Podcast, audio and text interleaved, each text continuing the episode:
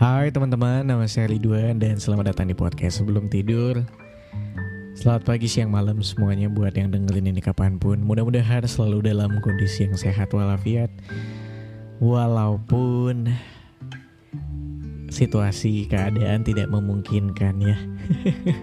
Tapi nggak apa-apa. Kita harus fight, fight, fight. Mudah-mudahan cepat membaik Walaupun aku juga rada pesimis. Karena sepertinya masih akan begini bertahun-tahun lagi ya setahun mungkin dua tahun mungkin. Jadi pengen cari-cari hiburan kayak biasanya nonton konser atau party maybe. Jadi tidak bisa lagi menyebalkan memang. Tapi ya udahlah dinikmatin aja ini normal ya. Anyway teman-teman episode kali ini aku pengen cerita. Alah mic aku jatuh. Sorry sorry sorry sorry mic jatuh. Episode teman-teman episode teman-teman. Ah. Kali ini teman-teman di episode ini aku pengen cerita tentang kecilku terus sampai akhirnya sekarang gitu. Karena gini beberapa teman-teman PST tuh kadang juga ada yang nanyain gimana caranya bikin podcast? Terus kalau misalnya pengen ngomong supaya enak didengerin gimana Well, aku pun belum sejago itu untuk bisa apa namanya bisa didengerin saya anak itu ya maksudnya. belum sejago itu juga buat ngomong sebenarnya, tapi ya aku punya lah sedikit ilmu yang mungkin bisa ngebuat aku kalau misalnya bercerita jadi lebih nyaman. Aku sendiri yang cerita aja udah nyaman gitu dan dan hopefully mungkin yang dengerin juga bisa enak gitu. Nah, kira aku aku juga kepikiran gitu. Zaman kecil dulu ya. Kecil dulu teman-teman, aku tuh pemalu banget. Waktu SD maybe kelas 1, kelas 2. Kadang kalau misalnya ketemu teman-teman ibuku gitu ya. Uh, terus di ruang tamu terus aku dipanggil suruh salim salim gitu terus, terus digodain gitu ya biasalah anak kecil digodain nah aku tuh suka melet melet kayak malu-malu gitu kayak eh hehehe malu. Ya pemalu lah pokoknya. Nah pemalu sampai uh, maybe SMP SMP tuh aku udah mulai lumayan pecicilan anaknya suka main. Uh, di kelas tuh ya enggak ya enggak yang jadi pentolan banget nggak yang vokal banget tapi udah lumayan berani pelan-pelan um, SMP tuh aku bingung waktu ikut ekskul kayak ekskul apa ya gitu aku nggak bisa olahraga somehow.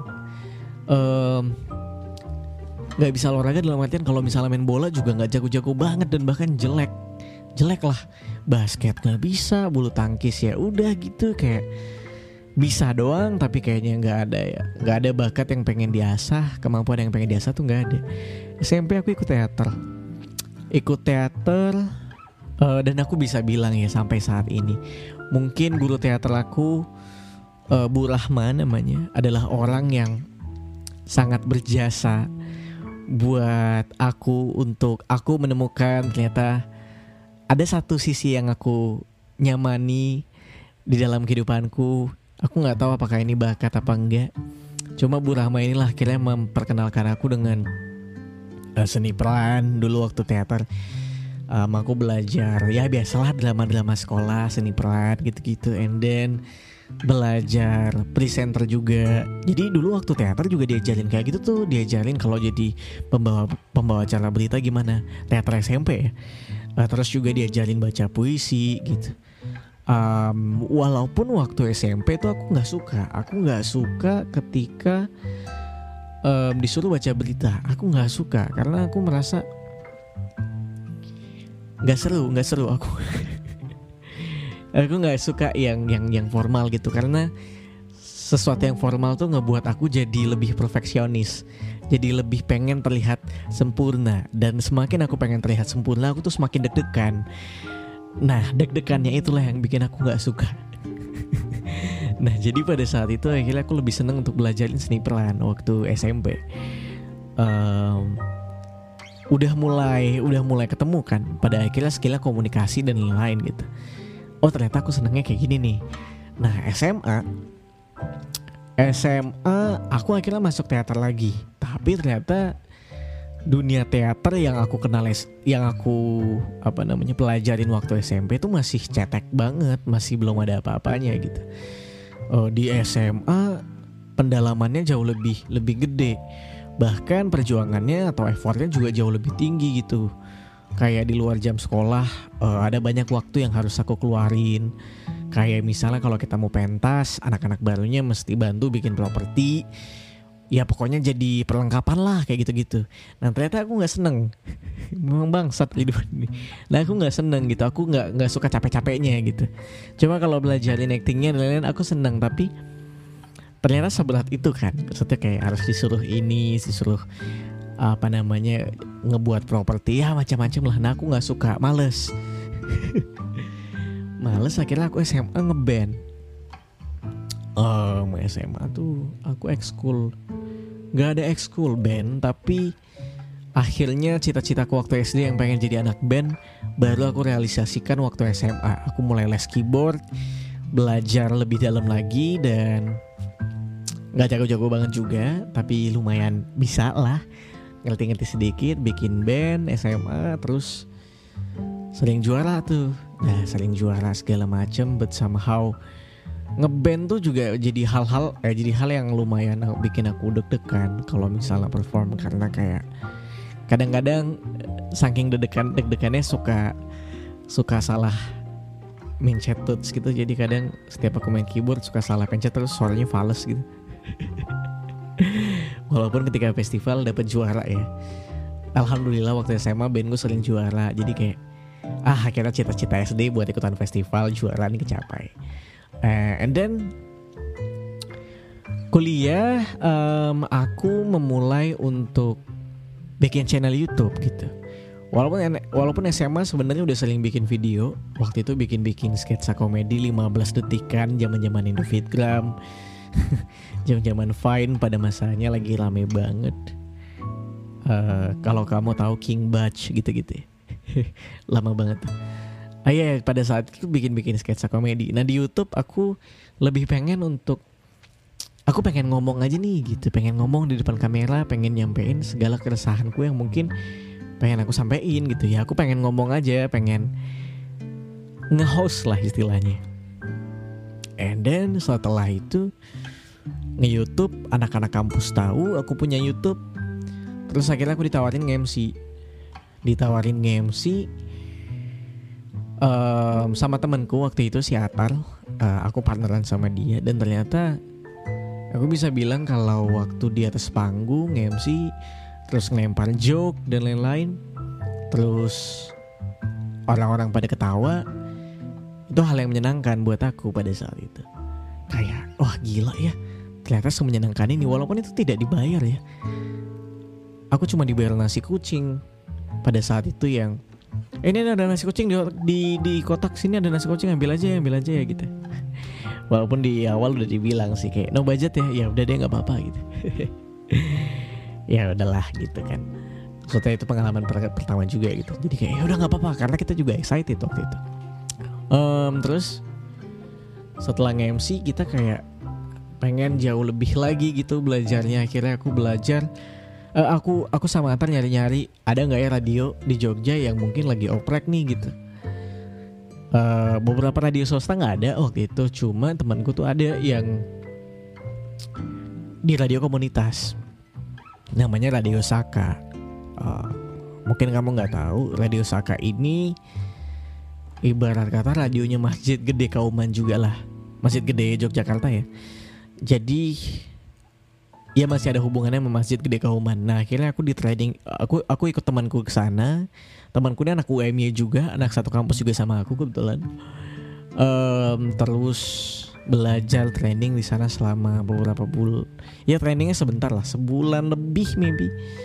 Uh, siaran terusan. Uh, pada saat itu di komunitas, komunitas kalau kamu tahu nggak dibayar ya. Jadi radio komunitas emang biasanya tuh radio kampus. Jadi kayak emang non profit biasanya. Uh, siaran segala macam siaran. Uh, sampai akhirnya ada momen kayak aku ngomong nih sama Atar. Kebetulan aku siaran di radio Saka itu juga sama Atar. Nah, aku ngomong sama Tar kayak bisa nggak ya kita siaran terus dibayar gitu? Di radio swasta sini aku bilang gitu kan. Lumayan kan gitu kayak uh, siaran tapi dibayar gitu. Iya ya bisa nggak ya gitu kayak kadang aku juga ngomong bisa nggak ya aku siaran di uh, suara gama gitu ya radio gue yang sekarang yang somehow uh, bisa dibilang suara gama radio anak muda di Jogja yang ya, ya lumayan lumayan favorit lah buat anak-anak muda ya. Di suara gama gitu tar kita bisa nggak ya siaran di situ? Um, iya ya bisa nggak ya uh, ya udahlah gitu kalaupun emang ada ya alhamdulillah kalaupun emang nggak bisa ya nggak apa-apa gitu. Uh, tiba-tiba ketemu temen yang ketemu temennya ini di tempat kerja tempat kerja yang lain ya. Jadi aku waktu itu sempat kerja juga di salah satu perusahaan rokok. Ketemu dia yang mana dia ini adalah penyiar suara gama and then um, apa namanya waktu itu dia beberapa bulan kenal aku akhirnya dia menawarkan mau nggak siaran di radio Sorgama? gitu. Ah mau dong mau mau gitu. Oh ya udah oke okay, gitu. Akhirnya kirimin si kirimin CV uh, terus interview eh masuk. And then training selama tiga bulan lebih maybe. Dan akhirnya sampai sekarang aku udah siaran sekitar dua tahun hampir dua tahun apa dua tahun deh aku lupa. Um, dan akhirnya sampai sampai ke sekarang itu uh, bahkan sebenarnya podcast sebelum tidur dibuat sebelum aku masuk suara gama bahkan. Jadi memang uh, bicara kalau misalnya skill ngomong ini gini gini mungkin kamu bertanya-tanya gitu kayak gimana sih supaya kita kalau ngomong tuh enak didengerin orang? gitu. Uh, somehow aku ngebuat podcast baru 2 tahun aku juga siaran masih dua tahunan juga uh, dan skillku juga belum sejago itu gitu. Tapi um, pada akhirnya aku me mengakui gitu kalau learning by doing itu adalah segalanya. Maksudnya semakin sering kamu berlatih semakin sering kamu melakukan hal itu gitu ya. Maksudnya ngomong uh, ngepodcast kayak ini kan ngomong atau nge-MC atau siaran atau apa pun itu. Pada akhirnya itu ngebuat kamu tahu kesalahan kamu di mana gitu ketika misalnya di aku aja bahkan sampai sekarang ya setiap ngedengerin episode episode podcast sebelum tidur yang lama tuh masih kayak apa sih? Ngomong apa sih? Nggak jelas gitu. Bahkan sampai detik ini tuh kadang masih banyak uh, minor-minor yang aku rasa kayak ini nggak penting gitu. Harusnya bisa lebih bagus segala macam dan dan dan evaluasi evaluasi itu yang ngebuat aku jadi semakin kayak oh oke okay, ternyata lebih baik seperti ini lebih baik seperti ini. Pada akhirnya learning by doing tuh menurutku salah satu kunci utama ya. Ibarat kata orang memang gagal dulu tuh perlu bro. Salah dulu tuh perlu banget gitu. Sampai akhirnya kamu salah berkali berkali berkali berkali berkali kali kali kali kali. Sampai sampai akhirnya kamu jago sendiri lah akhirnya kamu bisa sendiri tahu gimana cara yang enak buat versi kamu sendiri ngomong gitu sesuai karakter kamu maybe. Dan selain learning by doing ya bisa dibilang aku tuh lumayan banyak mendengarkan uh, siaran orang lain dan juga mendengarin beberapa beberapa podcaster lain yang yang senior senior ya. Bisa dibilang kayak hiduplah Indonesia Maya Panji Pragiwaksono kan. And then aku juga dengerin BKR Brothers dengerin Anfaedah podcast. Di dalamnya ada orang-orang yang sudah siaran berbelas-belas tahun ada ada Rio Wicaksono yang sudah 14 15 tahun siaran maybe. Dan dan mendeng mendengarkan uh, podcast atau orang lain yang lagi siaran di radio misalnya itu ngebuat kamu kayak nempel di kepalamu terus kayak kadang-kadang tuh kamu kebawa gitu. Oh sebenarnya cara yang baik tuh seperti ini gitu. Walaupun lebih baik jangan dijiplak ya. Makanya kan dulu ada orang orang bilang amati tilu modifikasi gitu ATM gitu. Uh, dan menurutku mendengarkan banyak orang berbicara maksudnya orang-orang yang memang host atau atau apa pun itulah berbicara ketika mereka nge-podcast atau siaran misalnya. Itu juga lumayan mempengaruhi aku ya gitu. Kayak oh ternyata gini ya bagusnya gini ya gitu. Oh bagus banget nih gitu. Terus kayak ke bawah aja gitu. Um, iya mungkin itu sih. Yang yang yang saat ini mungkin lagi aku pelajari. Somehow aku aku merasa aku masih jauh dari bagus sebenarnya. Tapi karena memang aku anaknya suka bercerita suka ngomong gitu ya suka pengen sharing jadi ya udahlah. Kadang aku kayak Bodo amat lah kalau emang ini nggak bagus-bagus banget gitu.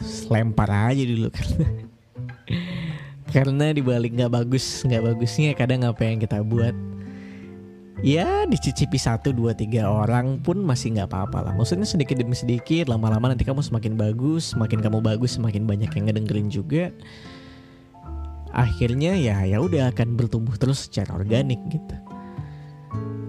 Dan apa ya aku nggak tahu sih apakah ini bisa dibilang bakat atau enggak aku nggak tahu. But somehow kalau sesuatu yang aku suka mungkin iya tapi kalau dibilang bakat I don't know gitu. Karena kalau bakat mungkin kayak dari kecil emang udah jago gitu ya jago ngomong. Meanwhile waktu kecil tuh aku nggak pinter ngomong pemalu banget gitu. Bahkan SMA juga aku belum berani ngomong belum berani speak up belum berani nge-MC gitu. Walaupun udah ada tuh kayak kepengen stand up comedy dan lain-lain tapi belum berani. Dan stand up comedy adalah salah satu yang sampai detik ini aku belum berani mentalku belum belum seberani itu gitu untuk melucu di depan orang.